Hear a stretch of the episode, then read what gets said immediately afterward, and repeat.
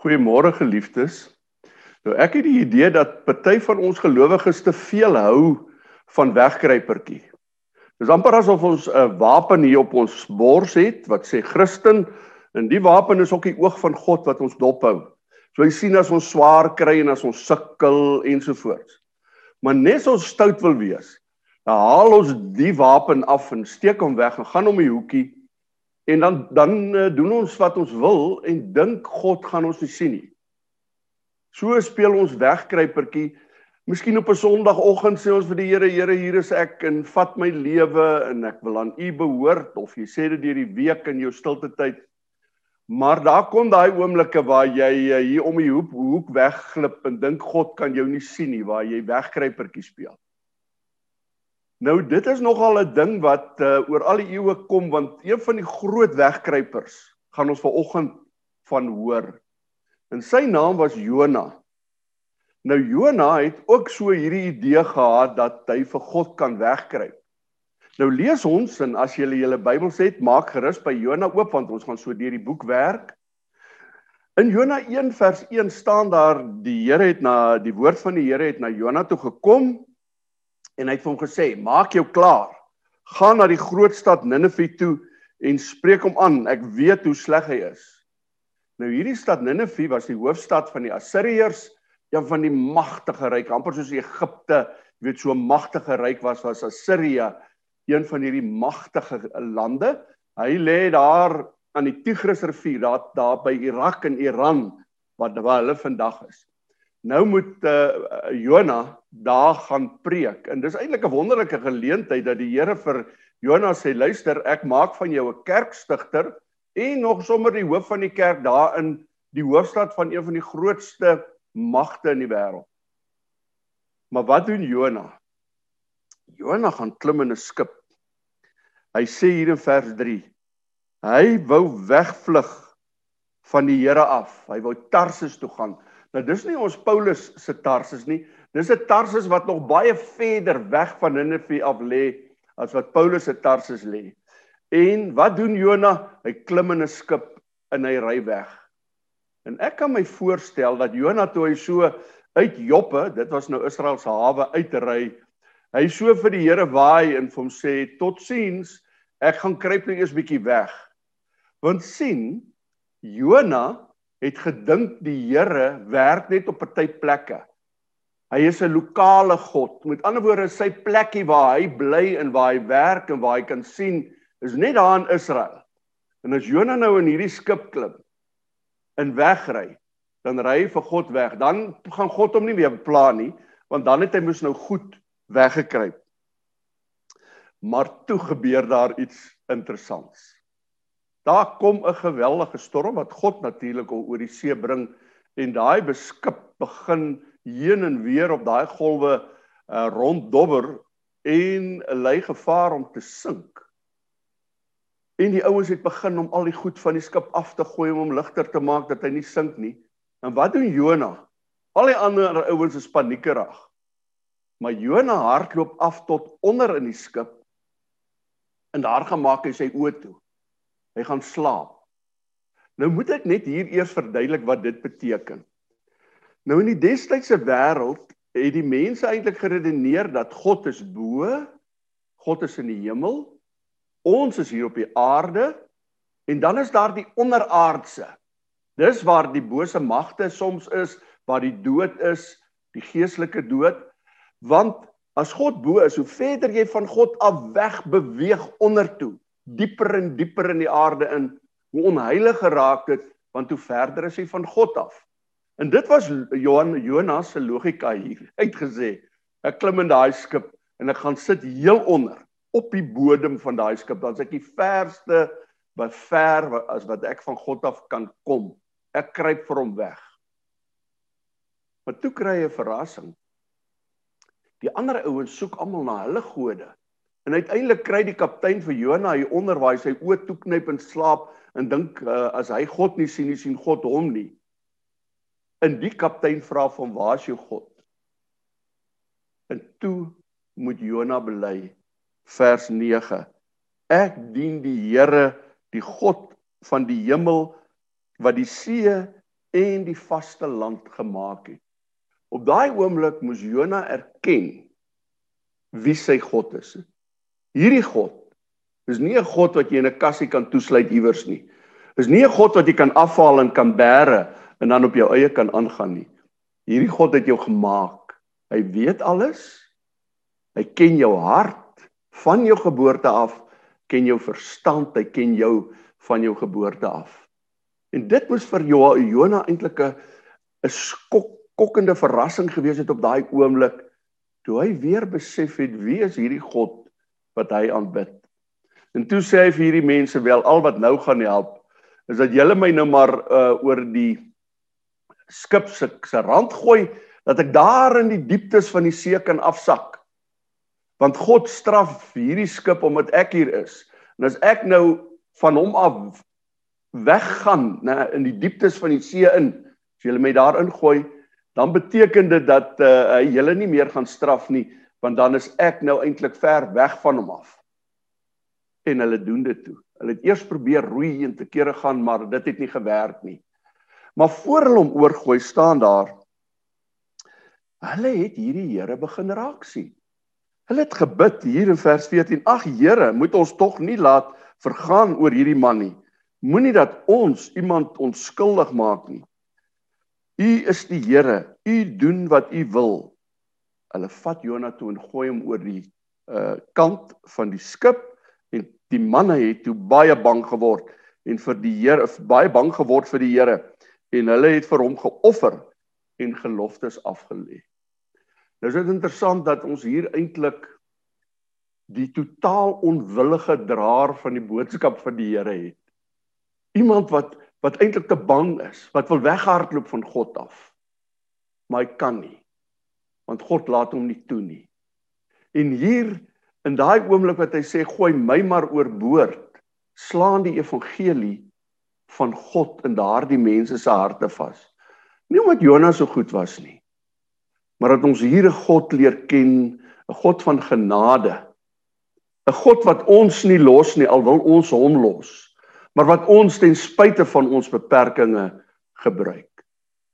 En nou sak Jona daar in die see af. Toe in in hoor nou wat gebeur toe. Toe stuur die Here 'n groot vis vir Jona om hom in te sluk. En daar sluk 'n vis Jona in.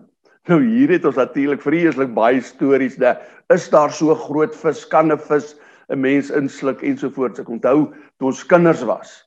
Toe ons nou net so in die hoërskool was, het ons vreeslik in die boeke gelees oor visse want want die sonnaskoolonderwyser het gesê daar's 'n vis wat Jona ingesluk het.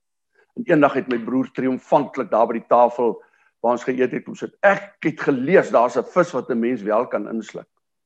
Maar nou is dit interessant dat daarvan dat as 'n mens hierdie gedeelte lees, dis nou Jona 2 waar daar nou vertel word hoe Jona in die maag van die vis nou in aanhalingstekens maag, maar in die vis was. Nou weet ons uit my kinderdae uit weer Pinocchio was ook in 'n vis. En daar in die prentjies in die boekie wat ek oor Pinocchio gelees het, onthou ek het hulle daar rondom die vis in die vis se maag gesit, rondom die vuurtjie, hulle hande warm gemaak en jy kon die ribbes van die vis sien ensovoorts. Nou maar kom ons kyk wat het Jonah gesien.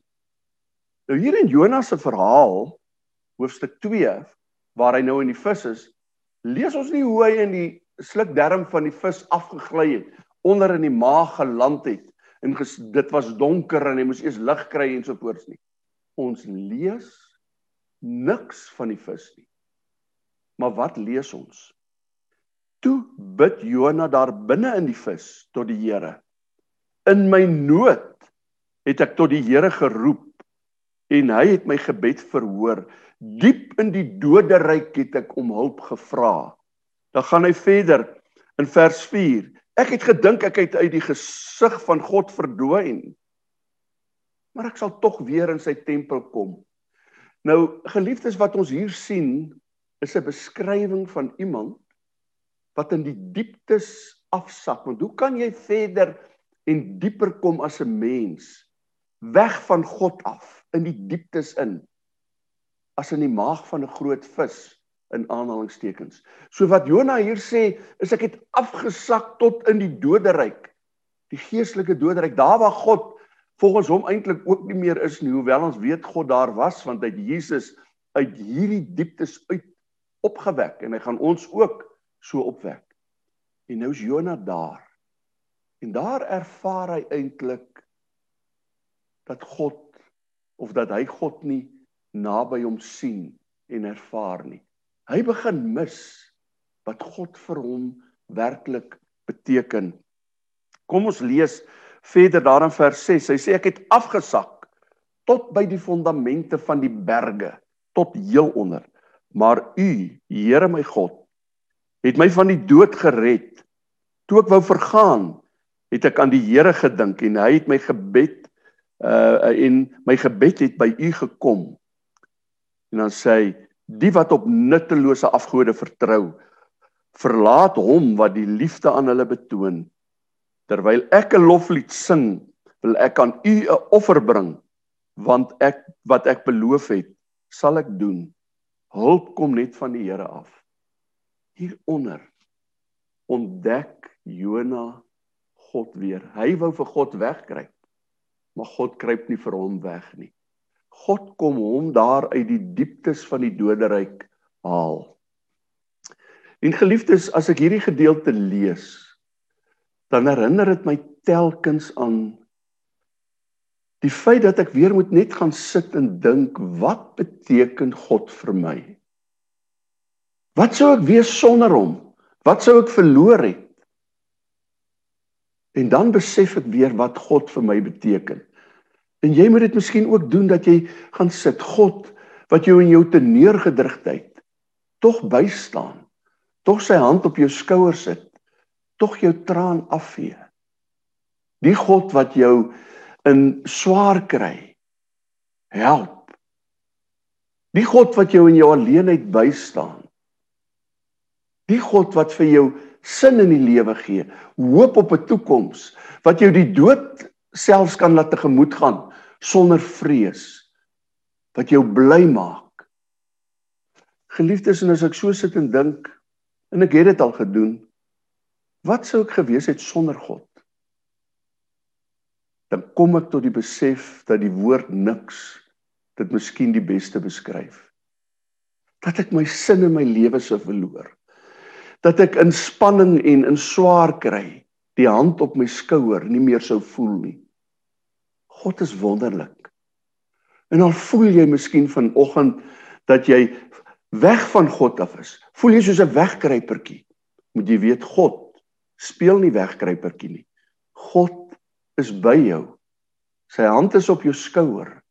Sy toekoms is jou erfenis.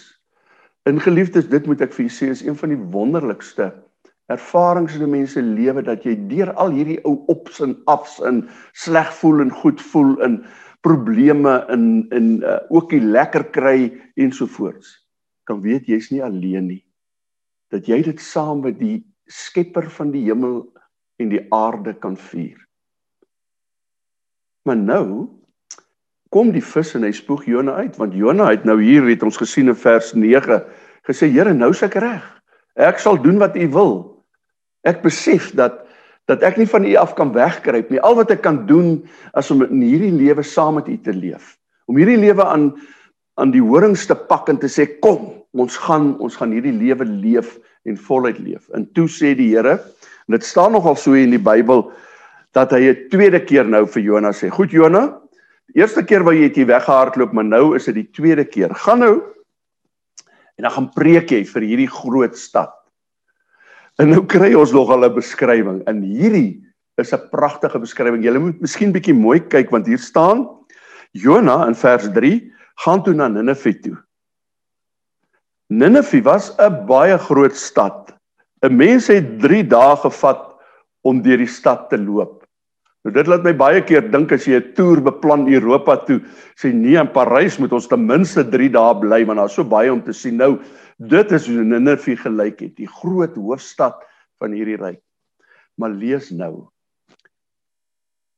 'n Jona het die stad ingegaan en 'n dag lank, 'n volle dag lank daar rondgestap en toe roep hy net nog net 40 dae en Ninive word verwoes. Geweldige sending preek, né? Nog 40 dae en julle gaan net sien hoe hierdie geboue uitmekaar uit gaan spat. Gaan julle in in God se oordeel vasloop, preek Jona. Hy het dit net een dag gedoen. En nou kan julle daar van vers 5 af lees. Die mense van Ninive het toe God in God geglo en het 'n dag aangekondig om te vas. En hierdie woorde van Jona het tot by die koning gekom en hy het gesê mense vas dien God. En die mense sê daar in vers 8 die mense moet ernstig tot God roep en hulle van hulle verkeerde dade bekeer en berou hê. Miskien sal God dan van plan verander. So Jona stap daarin sê lekker lekker vir julle. God gaan hierdie stad uitmekaar uitslaan. En hierdie mense hoor in daardie boodskap van hierdie eintlik onwillige dienaar wat so bietjie hier volgens hierdie woorde na so bietjie wraak smag. In daardie woorde hoor die mense van Ninive die genade van God. Soek hulle die genade van God. Kruip hulle nie vir hom weg nie maar gaan hulle in vas gaan soek sy teenwoordigheid. En wat ontdek hulle daar daar ontdek hulle 'n genadige barmhartige God wat bereid is om hulle te vergewe.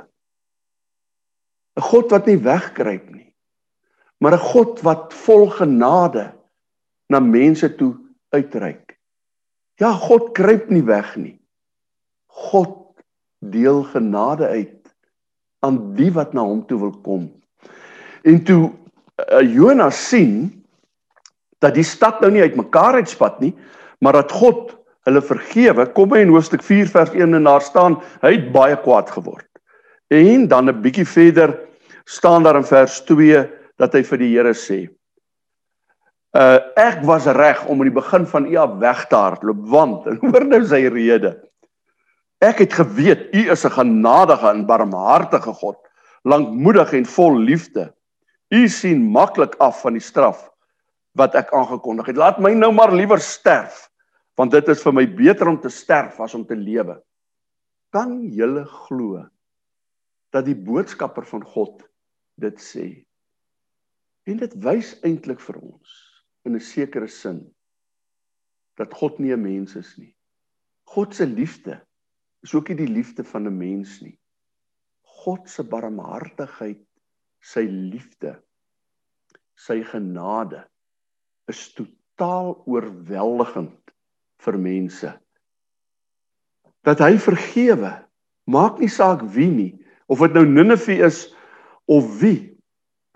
Hy vergewe die omdat hy juis so liefdevol is. En dit moet jy van God leer ken. Paulus moes paar keer waarsku en sê weet jy God het julle so lief. Hy verlos julle. Hy maak julle nuwe mense. Hy vergewe julle sonde. En dan sê Paulus, maar julle moet nou nie daaruit aflei dat julle nou maar kan aangaan met julle sonde omdat God se genade so groot is nie. Inteendeel sê hy, hierdie liefde en genade moet vir julle iets leer. Dit moet julle ook liefdevolle, genadige mense maak teenoor ander. Julle moenie soort van ongeduldige nê uh, boodskappers word. Boodskappers wat wat ander wil te nakom juis met die goeie boodskap nie. Die hele moet boodskappers word van hierdie groot oorweldigende genade van God. Maar Jona wou dit nie hoor nie. En nou kom die res van hoofstuk 4 en vertel 'n pragtige storie.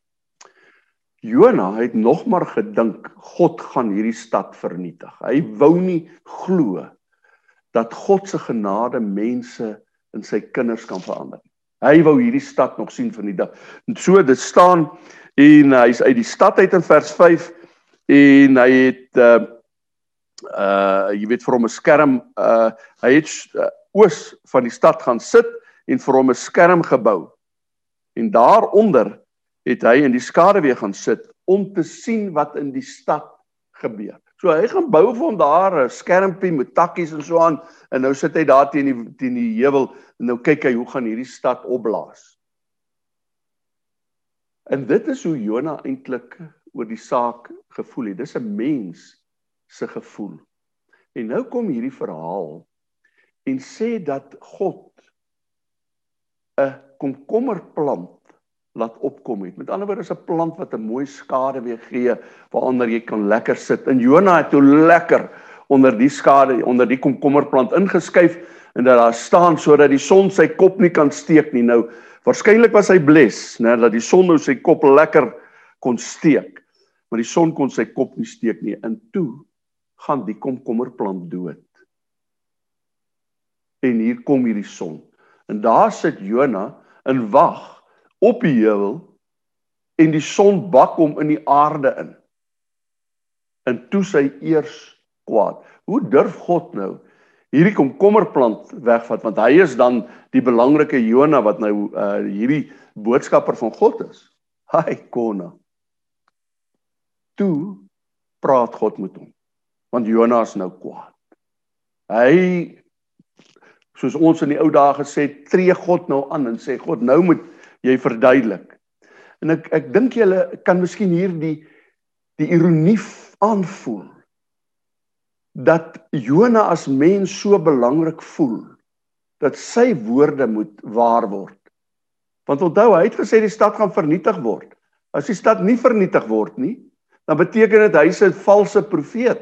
Sy woorde het nie uitgekom nie, want hy het nie die goeie nuus bygesit.